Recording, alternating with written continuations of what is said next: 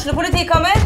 Ine Jansen er purk. Er du purk? The motherfucking bitch. Alt jeg vil, er å finne ut hva som skjedde med mannen min. Jon Carew. Er jeg sikta for noe? Iben Akeli. Det er du. Ole So, Lars Berrum og Big Daddy Karsten. Hvem sin side er du på, egentlig? Anette Hoff, Tone Danielsen, Kommer du fra Afrika? Jørnis Josef, Nesten. Kløfta. Trond Espen Seim, Det er synd å si det, men det var feil mann som døde. Purk. Premiere tirsdag på TV2 Play. Ungsamtalen fra DNB er økonomisk veiledning tilpasset deg som er ung. Bokk en ungsamtale på dnb.no. slash ung. Det er kjempebra hvis du skal inn på boligmarkedet, hvis det er drømmen din, liksom. Det er det du skulle sagt. Og så kunne du ropt litt mer, da, sånn som jeg gjorde. Bam! Åh.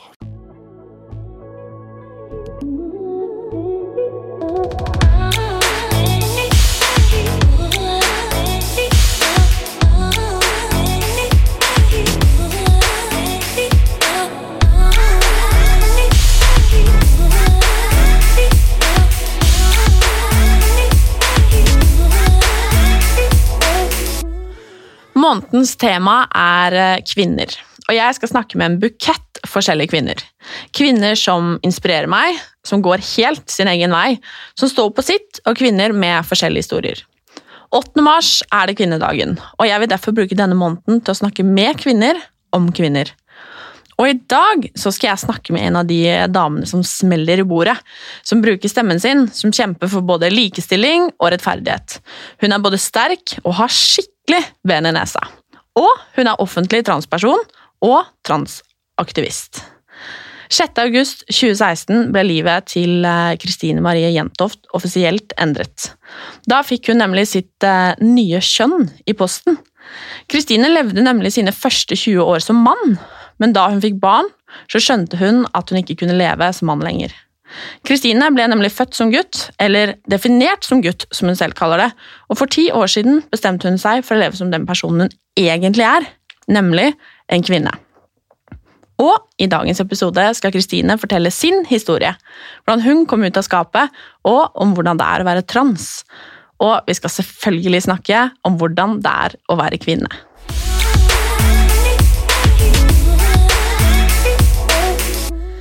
Velkommen, Kristine. Tusen takk, kjempehyggelig å være her. Veldig kult at du vil komme og snakke med meg. Det er kult å bli invitert. Det er, jeg syns alltid det er så stas ja, at folk har lyst til å komme og prate, sitte her og skravle, skravle med meg.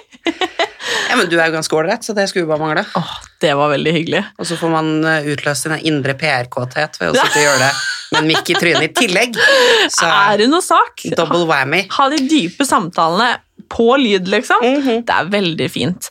Men det er ikke bare fint for oss, men det er veldig fint for de som lytter. Fordi det som er, er at vi snakker om ting som er eh, viktige for folk, og som snakker om mye ting som folk føler seg litt alene om å føle på, og som ja, folk rett og slett trenger kunnskap og hva skal man si, ja, noe å knytte seg til. Da. Og det syns jeg er skikkelig fint. Og din historie er jo ikke akkurat unik, men det er jo noe i hvert fall jeg kanskje syns at vi snakker litt lite om. Ja. Og det er jo ikke til å legge skjul på at det er ekstremt mye fordommer til sånne som deg, om det er lov til å si det, der ute. Sånne som deg. Hva mener du med Ja. sånne som meg? Jeg vet at du Men uh, du vet at du er invitert her i Kvinnemåneden, så Ja. du vet hva jeg uh, ja. tar deg for, Kristine, for å si det sånn. Ja, men det er bra. Men uh, det kommer vi litt tilbake til. Disse fordommene og hvordan denne veien har vært for deg. Ja. Men først, hvem er du? Jeg er en 31 år gammel frisør og aktivist som ramla litt inn i aktivismen eh, da jeg begynte å involvere meg i skeive organisasjoner da jeg, rett etter jeg hadde kommet ut. Um, og så innså at her var det jobb som måtte gjøres. Uh, og litt sånn intensjonelt, men samtidig litt uintensjonelt, endte jeg da opp med å forsøke å fylle det gapet som var, da. Uh, det var ikke så mange offentlige transpersoner før jeg sto fram og begynte å fortelle min historie. Um, og så har vi jo sett i ettertid de siste ti åra at det har jo eh, blitt en enorm økning i synlighet, uh, som har vært både positiv og negativ. Um, og ved siden av det så har jeg en samboer. Uh, jeg har en datter på åtte år. Uh, og jeg brygger øl som hobby. Fordi jeg fant ut at jeg trengte en hobby. Det ble litt mye Netflix og ikke så mye annet. Det er rart med det. Snodig. Det blir fort mye Netflix, faktisk. Men altså For å dra Vi har jo snakka litt sammen. Jeg har spurt deg ut før, jeg. Men jeg syns det er litt ålreit at eh, de andre som er litt nysgjerrige og trenger å høre litt om det, får gjøre det, de òg. Ja. så dra oss gjennom det her, Kristine. Hva Altså, du ble født uh, gutt. Ja, altså Da jeg uh, kom ut av mamma, så sa legen at det her er en gutt. Uh, og så gikk det Egentlig så gikk det ikke så veldig mange år før jeg innså at den legen tok feil. Fordi at jeg har alltid vært jente, og egentlig alltid også opplevd meg selv som jente. Men, eller kvinne, da. Nå, nå begynner jeg å bli, bli voksen og må gi meg. Um, og har jo da Men av det legen så, som da naturlig nok var jo en uh, utovertiss, uh, så ble jeg da tildelt kjønnet gutt ved fødsel. For det er sånn vi ruller uh, i denne verden. Helt fair metodikk. Um, og så eh, skulle jeg gi det en del forsøk på å prøve å ramle meg ut av skapet, men jeg var jo så langt inni dette skapet at jeg enten fant Narnia eller julegaver, eh, litt avhengig av hvilket forsøk det var.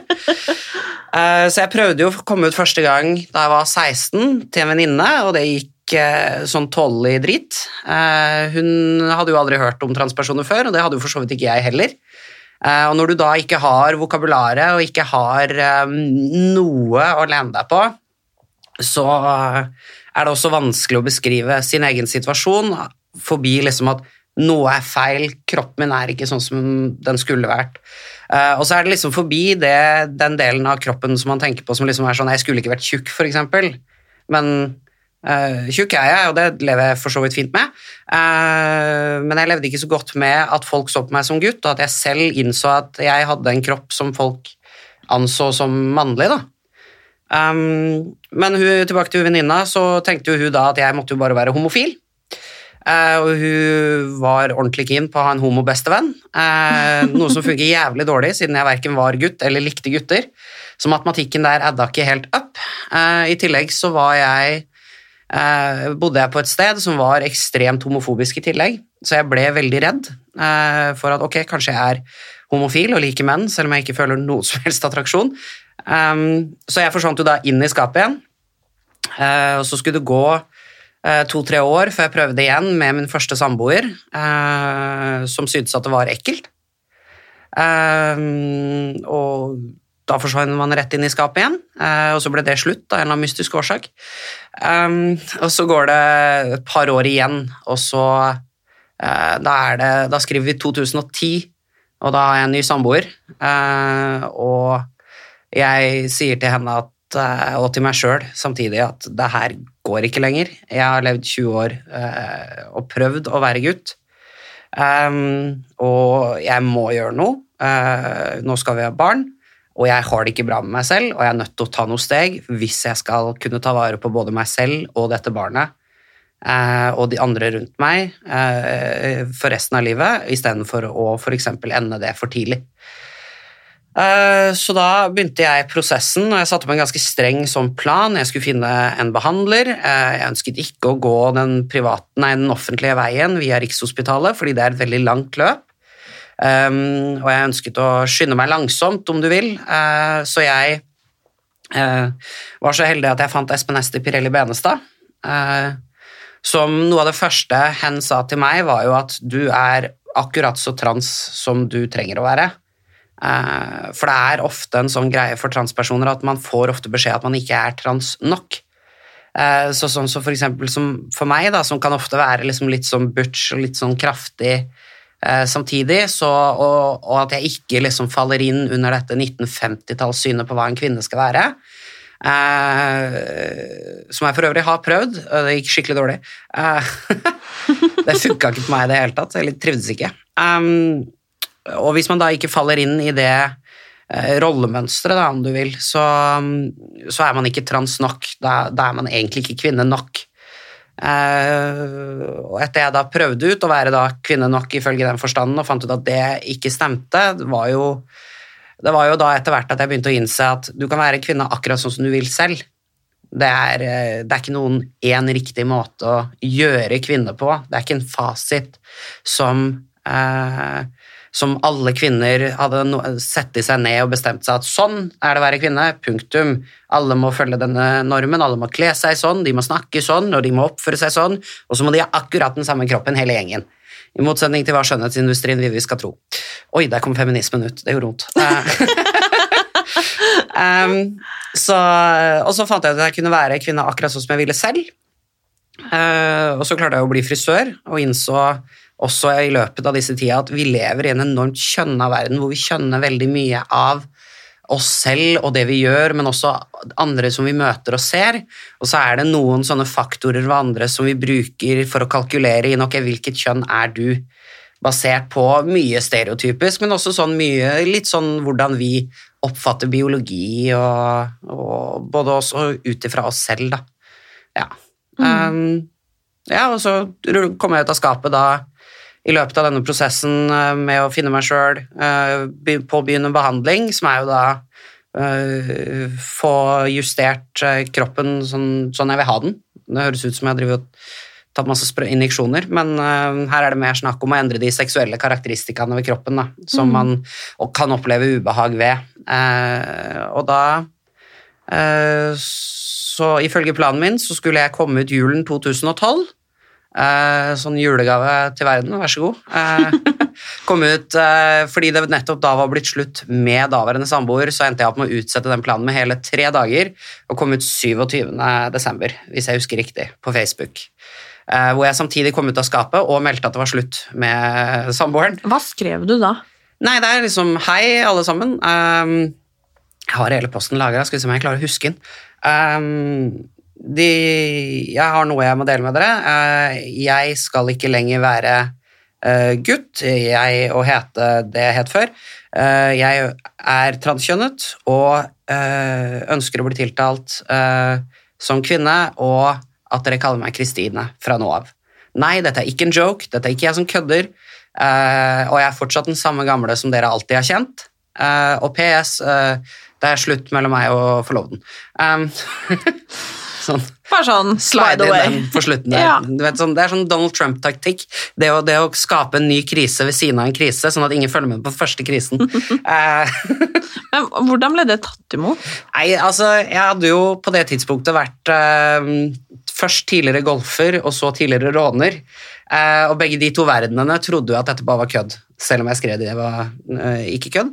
Uh, så jeg hadde jo heldigvis kommet ut til noen av mine venner fra før som kunne stå og verifisere at du, det er ikke kødd, uh, hun er dame nå, liksom. Det, og hun kan fortsatt svi av dekk og legge ut rumpa på bilen. Det går fint.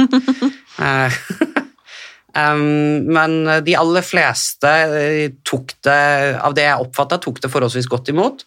Eh, noen reagerte negativt i ettertid, men jeg hadde også gjort det på en sånn måte at jeg hadde to profiler på Facebook. En som liksom var manne meg, om du vil, og en som var dame meg. Og så skrev jeg jo denne posten på manne meg-profilen, og så kunne de som ville, legge meg til på den nye profilen.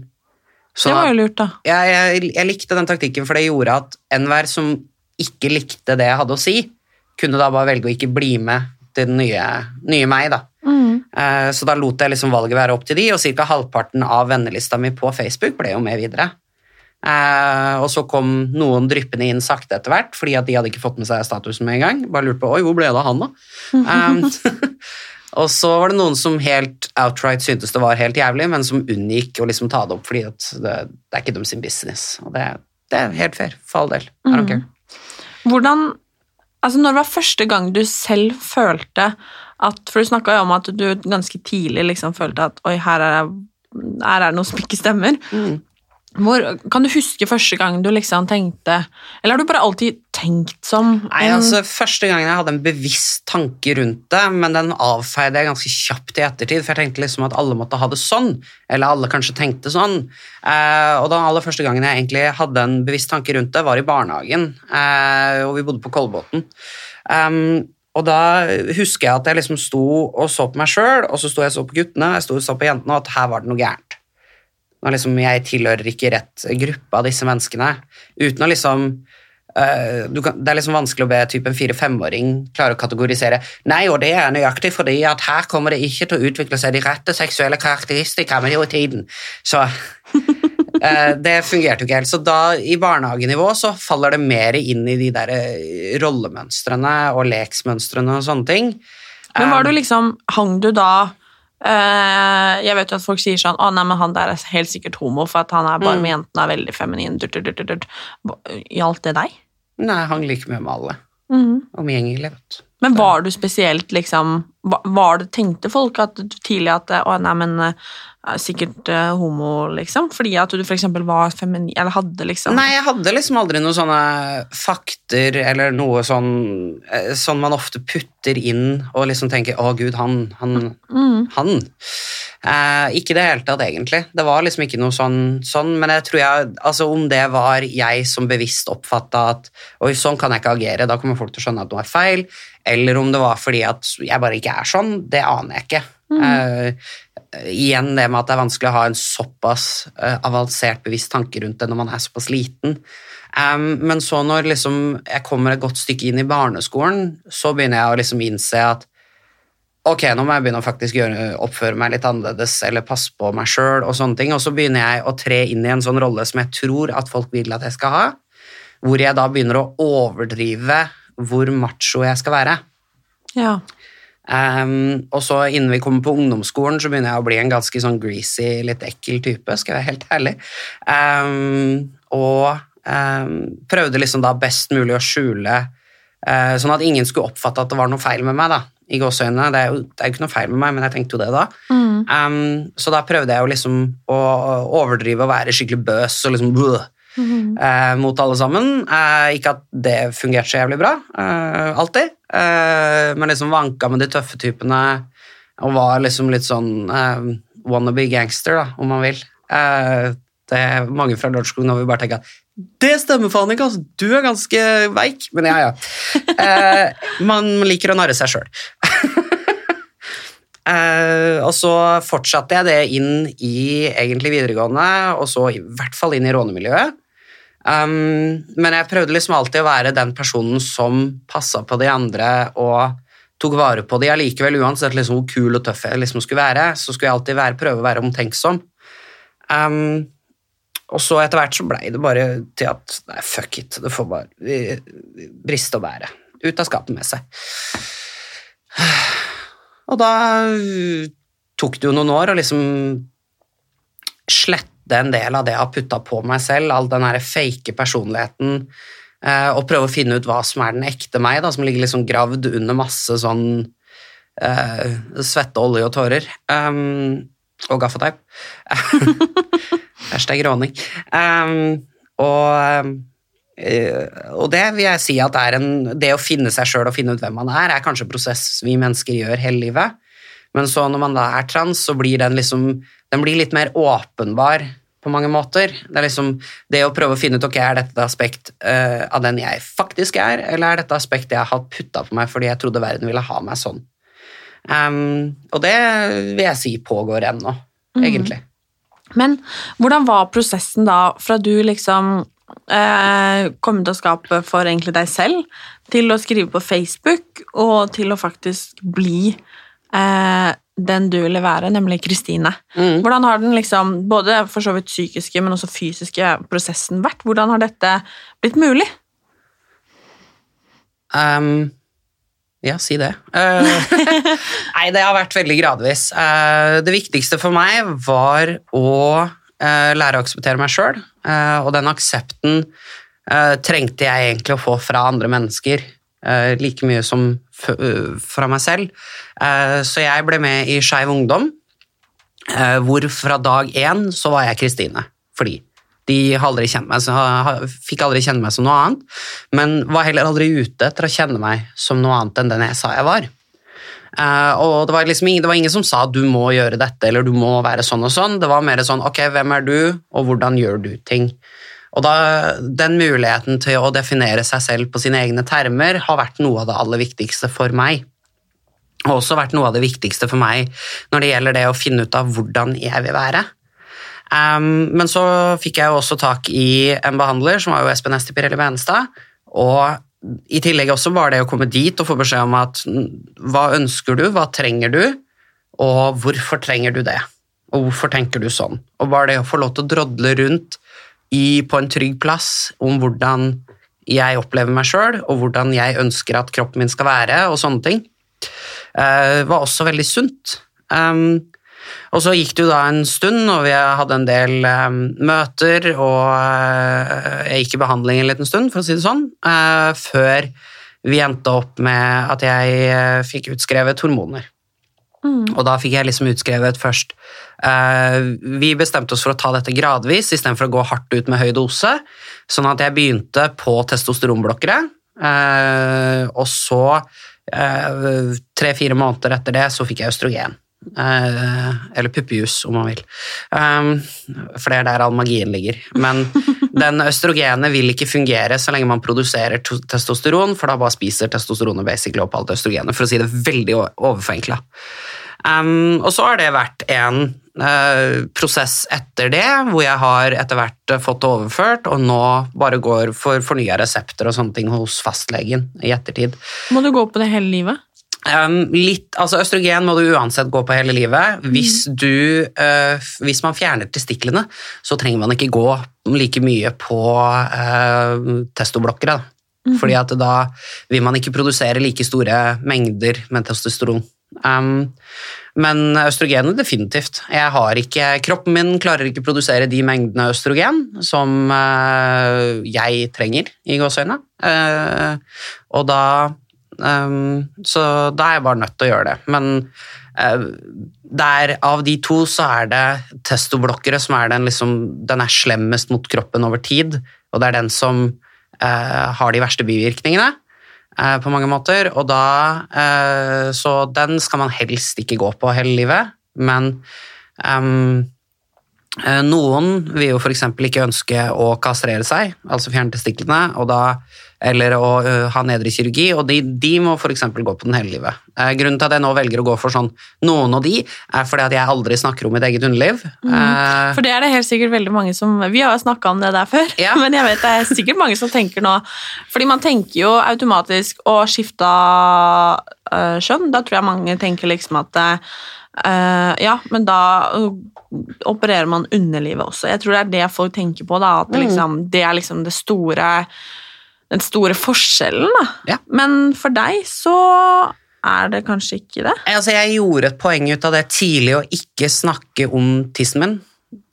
til typ journalister eller til folk som spør. og sånt. Jeg vet at mange er nysgjerrig på om man har hatt operasjonen med store bokstaver i operasjonen. Um, og jeg ser det ikke som relevant for trans, eller som for min historie, eller og så, og så, finner jeg det litt sånn, Hvis man ser litt objektivt på det, så er det litt ekkelt å drive og snakke om underlivet sitt til folk som ikke er partner eller fastlege. Mm. Eh, det er liksom, og det er kun de menneskene som vet egentlig hvordan tissen min ser ut, om den går inn, ut, opp eller ned. Mm. Eh, nå fikk jeg mange spennende mentale bilder. Var det flere som gjorde det? Ja. Eh, og da, eh, så det er kun de menneskene jeg ønsker å ha involvert i det i det, og begge de to har en tendens til ikke si det videre, heldigvis. Mm. Men eh, så jeg, når jeg snakker om f.eks. underlivskirurgi, så snakker jeg med generelle termer, eller hva jeg vet andre har gjort og sagt. Mm. Uh, sånn Rett og slett for å ikke få det til å bli det overskyggende, for det er et veldig sånn typisk narrativ for transpersoner i media, og dette ser vi nesten i hver eneste sak som omhandler transpersoner, er f.eks. da Uh, Susanne het Jens før, men nå har hun tatt operasjonen og blitt dame. Mm. Eh, ja, for jeg tror det er det man liksom tenker, mm. at det er liksom det store spranget, da, liksom. At det har blitt litt fremstilt sånn, kanskje. Ja, det, det, har blitt veldig fremstilt sånn, men det er et, på mange måter et urettferdig narrativ, fordi at det er en del mennesker som ikke har muligheten til å ta den operasjonen. Mm. Av forskjellige årsaker, fordi at det er et større kirurgisk inngrep. Eh, så det kan være farlig for noen. Kroppen deres kan f.eks. ikke tåle det. Eh, noen har blitt for ikke fått behandling via Rikshospitalet og det offentlige løpet, og så har de ikke råd til å dra til f.eks. Thailand og få kirurgien der. Eh, så jeg syns det blir urettferdig også overfor de å gjøre det til den store milepælen for liksom Nå endelig er det gjort. Når man er kjønnet sitt uavhengig av hva man har mellom beina. Det er ikke det som gjør Altså, det er ikke tissen som gjør en kvinne eller mann sånn egentlig, det er hvordan du opplever deg selv. For det er den eneste tingen alle kvinner og menn Altså alle kvinner for eksempel har til felles, er ikke at de for eksempel at de har livmor, eller at de kan reprodusere, eller de tingene der, eller hvordan tissen deres ser ut, men heller at de alle opplever seg som kvinner, mer eller mindre. Og det samme gjelder menn. Eh, og det er ikke sånn at bare fordi en mann mister penisen sin i en arbeidsulykke, så slutter han å være mann og blir en sånn uh, mytisk intetkjønnsboble som bare flyter rundt. Han fortsetter jo å være mann, og det samme gjelder jo hvis eh, man blir steril, så fortsetter man jo å ha et kjønn. Um, og jeg ønsker å komme litt vekk fra dette reproduksjonsnarrativet, om du vil da, eller det opphenget i, i underliv av de tidligere nevnte grunnene. Men jeg lurer for at eh, Nå vet jeg ikke hvor ofte du er og skifter i en garderobe, da. Mm. Men, eh, og det har det jo vært mye debatter om, for å si det sånn. Ja. Om liksom transpersoner skal få skifte At du liksom Ja, skal Kristine egentlig skifte i en herregarderobe eller i en damegarderobe? Og det er jo mange som har ment mye om det, og det er jo Jeg forstår at folk er litt sånn Hm, det, jeg hadde jo blitt litt overraska hvis det plutselig eller jeg tror man tenker sånn at hvis en transperson, da, som for eksempel ikke en som har vært mann og for eksempel har en penis, liksom, jeg tror man tenker at eh, han da står og vifter og tar helikopter i garderoben, Ja, liksom. Det er jo det- det bildet man har av det, ikke sant? Ja, og det er jo eh, Jeg kjenner veldig mange transpersoner, eh, og jeg har til gode å se noen av de flånte kroppen sin. Eh, Jeg tror bare det man tror. Ja, og det er veldig snodig, for hvis man noen gang egentlig har møtt en transperson i en garderobe, så har man stort sett bare sett ræva deres, for de står med rumpa til, som oftest, uansett hvordan de er i løpet sitt. Som sjokkerende nok veldig mange andre mennesker gjør også, så at de bare liksom rumpa til, ned med øh, badeshortsen, opp igjen med bokseren, ut. Um, og jeg tror at hvis du hadde sendt meg inn i en herregarderobe, så hadde det sett veldig rart ut for en del av de dudesa der inne. Mm. jeg tror de hadde begynt å lure bare sånn, ok, unnskyld meg frøken, men du har ramla inn feil sted. Enten det, eller så er du veldig, veldig creepy. Um, eh, kan du vennligst gå. Men så er det heller ikke sånn at vi åpner eh, garderobedørene med verken juridisk kjønn eller underliv. Det er ikke sånn at du putter en penis inn i et hull, og så åpner garderoben seg på magisk vis, dessverre. Eh, Så hvem som helst kan teknisk sett gå hvor som helst. Og da er det bedre å la det være opp til den enkelte å avgjøre hvilket kjønn de er.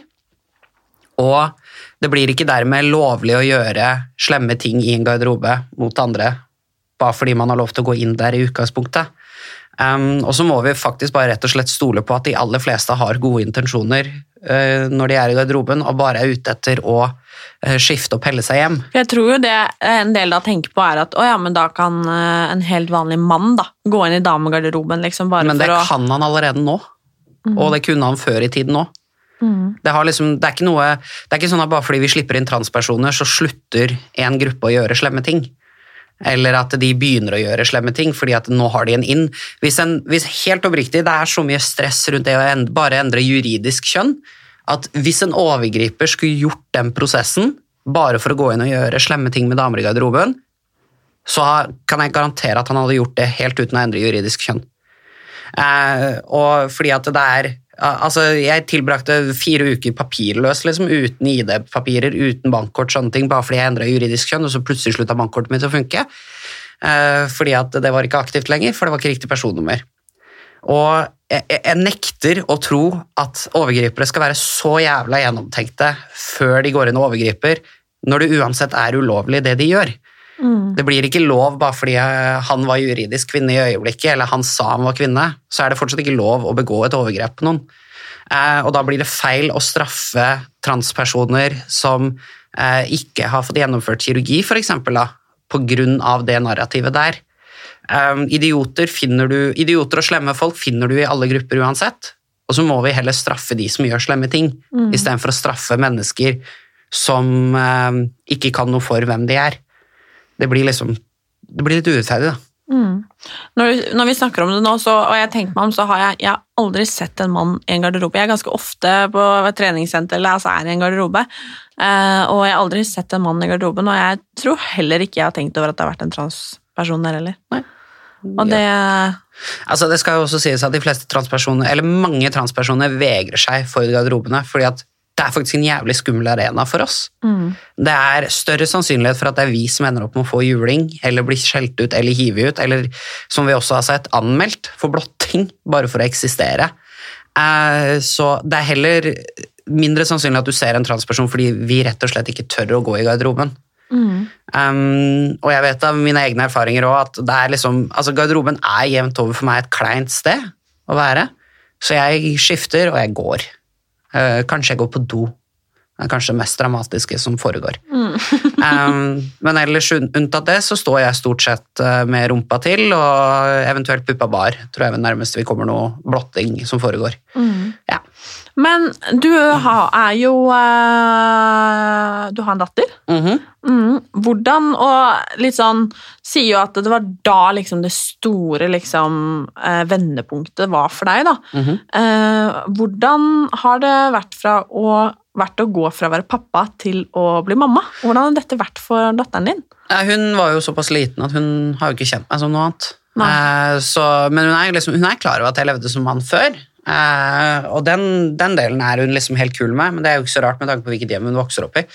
Eh, men hun har aldri kjent meg som noe annet enn mamma. Eh, så hun, hun, hun har ikke vært igjennom hele den prosessen å se pappa bli mamma, eksempel.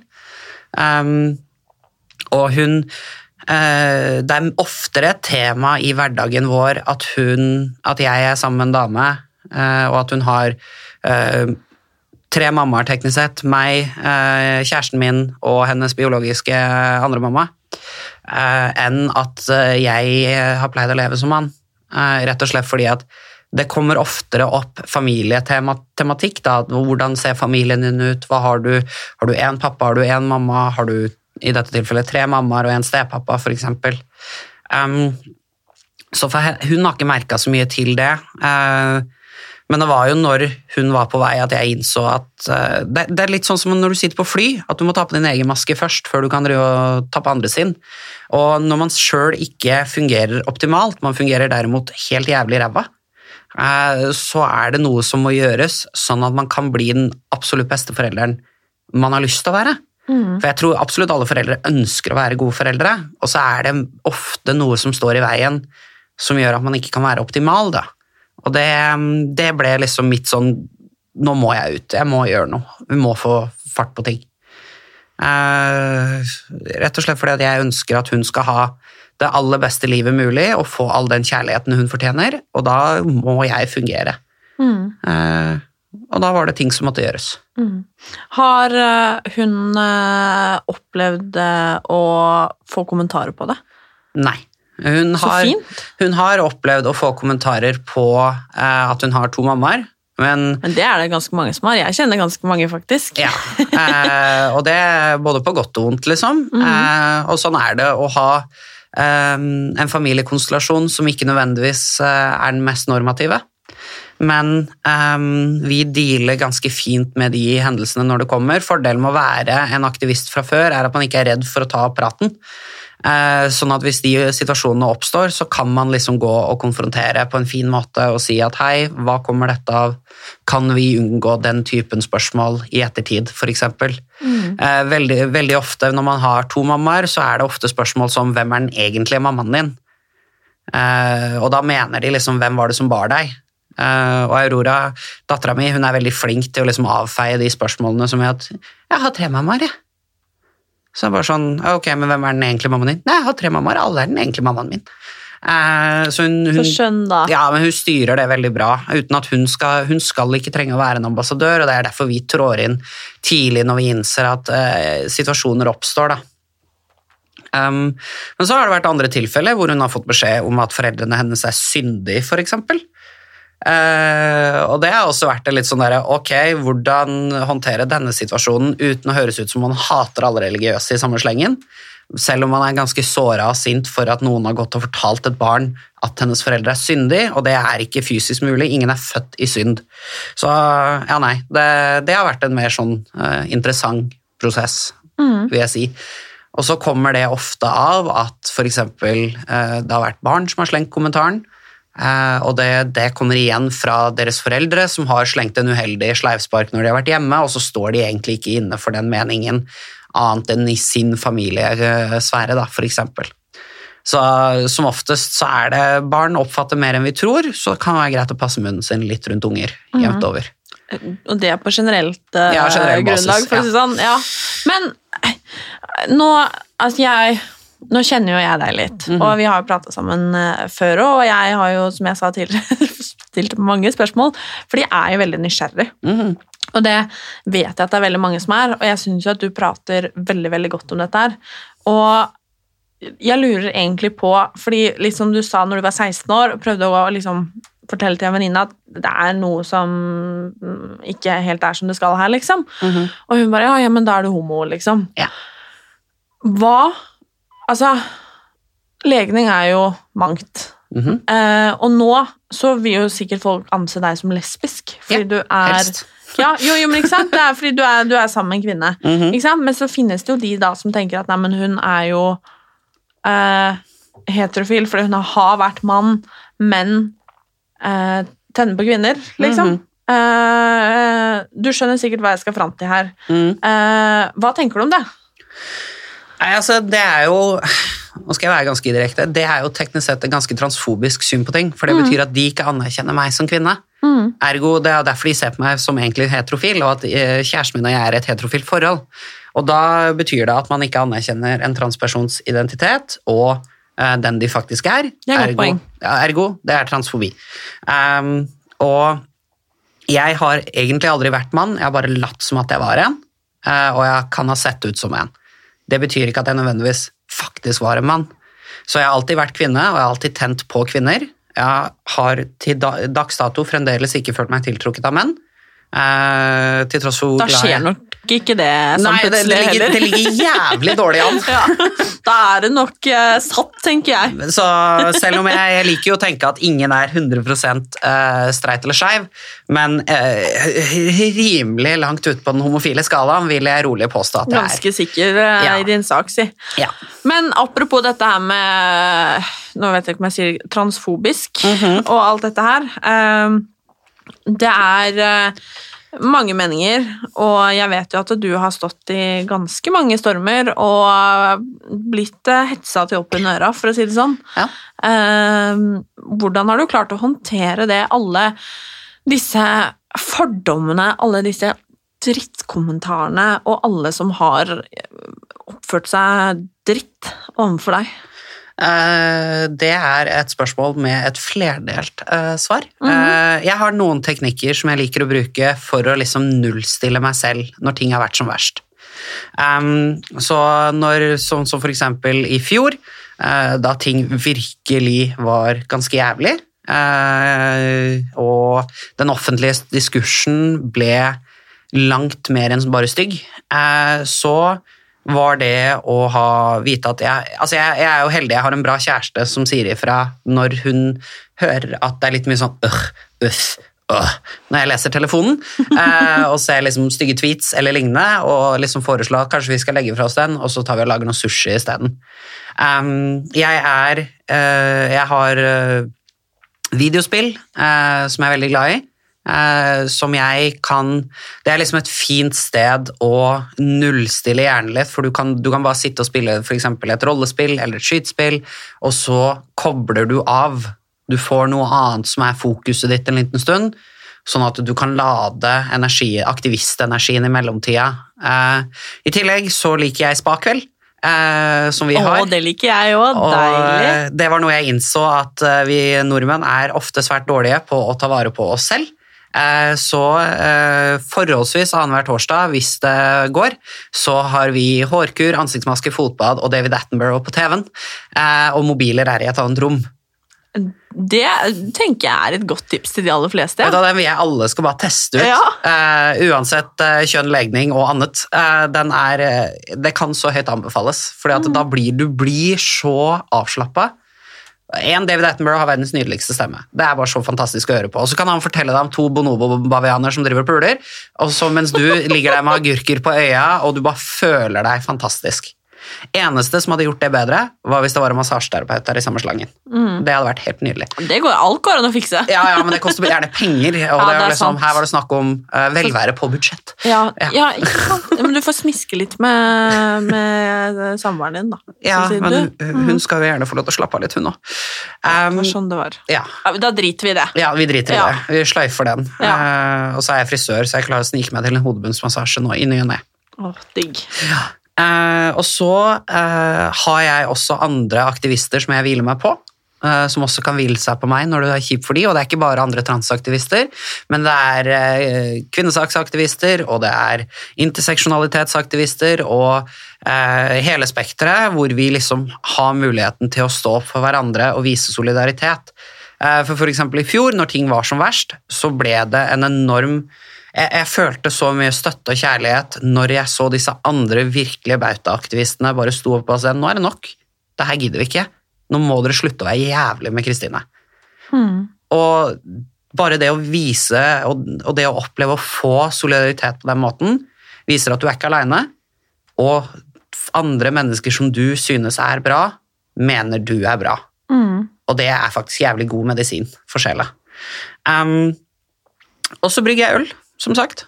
Uh, og det er seks til åtte timer med uh, meg selv, hvor jeg fokuserer på noe håndlaget, produktivt, hvor du står og gjør noe konstant. Og så har du en podkast gående i bakgrunnen, og så er det bare det er bare deg og brygget. Og, da, og så blir det øl ut av det, og jeg er veldig glad i øl. Det er herlig. Men eh, du, eh, samboeren din nå. eh, kjæresten din, samboer, jeg vet ikke hva du kaller det. Det samme Ulla. Ja. Ja. Dama. Dama Ja. for oss han. Hvordan har, eh, har eh, Hvordan tok hun det? Nei, Den er jo litt artig, fordi at eh, Ina og jeg traff hverandre eh, da jeg var 18 eh, og hadde en kjapp flørt, mens jeg fortsatt levde som mann. Men så var det så Og det er gøy. Det er litt artig. Ja. Eh, og det klikka ikke helt. Det var et eller annet som ikke var helt riktig. Jeg tror vi begge to ikke var på et helt sånn ideelt sted i livene våre. Jeg var vel sånn 18-19, ja. Jeg hadde BMW. Ja. Eh, og så eh, fant jeg henne igjen på internett eh, en stund etter jeg hadde kommet ut av skapet, og tenkte liksom nå skal jeg ha det litt gøy. Eh, Så jeg sendte henne en melding og bare sånn Halla, husker du han fyren du traff i strømmen med den BMW-en eh, for noen år tilbake, eller? Og hun bare Nei, nja, nei, hadde han en kjip katt? Ja, ja, det kan stemme. Uh, ja. Og hun bare Ja, jo, jo, jeg, husker, jeg, husker, jeg tror jeg husker han, svarer hun. Og så bare sier jeg Halla, åssen går det? Og hun bare Oi, det er deg, ja. Ja, det er meg. Står til. Her har det skjedd ting, ser jeg. Refererte hun helt åpenbart til brystene mine. Eh, eh, og så, eh, før jeg visste ordet av det, så fant jeg meg på nattoget til Stavanger, for da bodde hun på Sola. Um, og da klikka det med en gang. Eh, og siden har vi vært sammen. Herregud, så fin. Det er dritnydelig. Jeg elsker det. Ja, Det er faktisk en skikkelig morsom historie. Disney can get on this shit. Da, I'm ja. selling those rights. Men eh, Vi skal snart runde av, men jeg må ha et siste spørsmål. Mhm. Hvordan er det for deg, Kristine, å være kvinne? Eh, ja, det er et veldig åpent spørsmål. Ja. Um, Du kan velge hvilken retning uh, du vil. Jeg bare tenker siden, altså, Du har opplevd å være gutt-mann, mhm. eh, blitt kvinne. Hva, kanskje skal, Jeg skal spørre om hva den største forskjellen er? Ja, fordi at det var litt den retningen jeg ville gå med svaret mitt, er måten folk opp, behandler deg når de oppfatter deg som mann, kontra hvordan de behandler deg som kvinne, er veldig forskjellig. Um, da jeg levde som mann, så opplevde jeg aldri at folk snakka over meg, eller sa akkurat den samme tingen som jeg sa, med andre ord, for at de skulle ha rett. Eh, jeg, heller, jeg opplevde heller aldri å bli klådd på på byen. Men etter jeg kom ut, så har plutselig hender vært på både butts and tits. Og det, det er bare sånn Når du har levd som mann og aldri blitt klådd på, og hatt det privilegiet, og så plutselig så begynner folk å klå på deg på byen, det er en ganske kjip eh, innseelse at å ja, det er sånn det funker. Fett. Not. Eh, og så reagerer man eh, fordi at man fra et eh, standpunkt av å ha levd med det privilegiet og ikke bli klådd på, så man blir veldig sur, og så før man vet ordet, så er man i bråk på byen. Ja! Eh, og så står man og forklarer seg til en dørvakt. Sånn kan det gikk. Um, så det har vært veldig annerledes. Uh, så det, liksom, det har liksom vært litt som å leve på begge sider av gjerdet, om du vil. Um, og selvfølgelig så er det mange issues som gjelder eh, menn, sånn som f.eks. Eh, selvmord og det å ikke eh, snakke om mentale lidelser og lignende, som er liksom Der sliter menn veldig mye. Eh, og mange av de eh, kan dessverre ikke engang gråte uten å oppleve føle skam rundt det. Eh, men måten andre behandler deg på, er såpass bisarr annerledes at eh, Altså, jeg liker å sette det i perspektivet at jeg hadde ikke kommet ut som kvinne fordi jeg Eller jeg kom ikke ut som kvinne fordi jeg trodde det ville være så artig å bli behandlet som kvinne i samfunnet. Eh, fordi at vi behandler ofte kvinner helt jævlig til tider. Um, men samtidig så er det hyggelig nå å bli eh, innkalt til um, uh, livmors, undersøkelse for livmorshalskreft når jeg ikke engang har livmor. Det er veldig koselig, for den kommer av seg sjøl. og så, så, så, det er liksom de mer artige aspektene. Men sånn jevnt over, sånn som jeg blir behandla og sånne ting, så merker jeg at det er en signifikant forskjell ofte. Eh, men jeg opplever at, også spesielt også når jeg da oppfattes som en transkvinne i tillegg, så er det jo en del som ikke klarer å skjule alle fordommene de har, og da også blir det en sånn ekstra lag utapå det å bli behandlet som kvinne, er at man da blir behandlet som en mann som later som han er en kvinne. Mm. Og den, den, eh, da kommer liksom den homofobien og den derre den machismoen ut, at vi er, vi er liksom redd for eh, menn i dameklær, f.eks. Ikke at det er så jævlig mye av det gående akkurat nå, men uh, her jeg sitter i flanellskjorte og singlet. Um, men at uh, Nei, det, det, blir, det, blir uh, mye Det blir sånn dobbeltfordom, da. Mm. Liksom, jeg, det kan jeg forstå. Jeg hater deg fordi du er kvinne, men jeg hater deg også fordi du en gang var mann! Og så sliter man litt med å sortere ut de følelsene, hvilke som skal få lov til å styre over. Mm. så ja. Men derfor tenker jeg at det er fint at Eh, du eh, er åpen, at du prater og deler om deg med den kunnskapen du har. Mm. Og at eh, de som er både nysgjerrig og kanskje sitter på litt fordommer, eller rett og slett ikke har peiling på hva i alle dager dette her egentlig er, mm. kan lære litt da, av deg. Altså, Jeg håper det, og jeg håper at så mange transpersoner som mulig egentlig tør å stå frem og fortelle sin historie. Mm. Fordi at, eh, Spesielt innenfor for et feministisk perspektiv da, så kan man lære ufattelig mye av mennesker som har blitt oppfatta som det ene og nå blir oppfatta som det andre. Sånn at vi kan se på hvilke strukturer rundt liksom, kjønn og kjønnsroller og stereotyper som vi eh, kanskje ikke vil ha lenger, og kanskje vi vil jobbe mot. Og der kan, stygt å si, transpersoner være et veldig fint verktøy mm. å ha. Eh, og så mener jo jeg helt åpenbart at alle som tør å stå fram og si sin historie og bare fortelle 'sånn er jeg', og ferdig med det, bidrar til å automatisk senke litt fordommer. fordi at du kan ikke være redd for noe som får deg til å le, eller som eh, får deg til å føle deg menneske. Så kanskje derfor jeg også driver med litt sånn standup av og til. At jeg var sånn Ha, slå meg ned nå, dere! Jeg fikk det til å le i stad. Um, så ja, nei, jeg tror eh, Men vi går i rett retning. Det bare går litt sakte av og til. Mm. Ja. Tusen takk for at du ville komme og dele med oss. Takk for at jeg fikk komme. Det var kjempehyggelig. Det var det.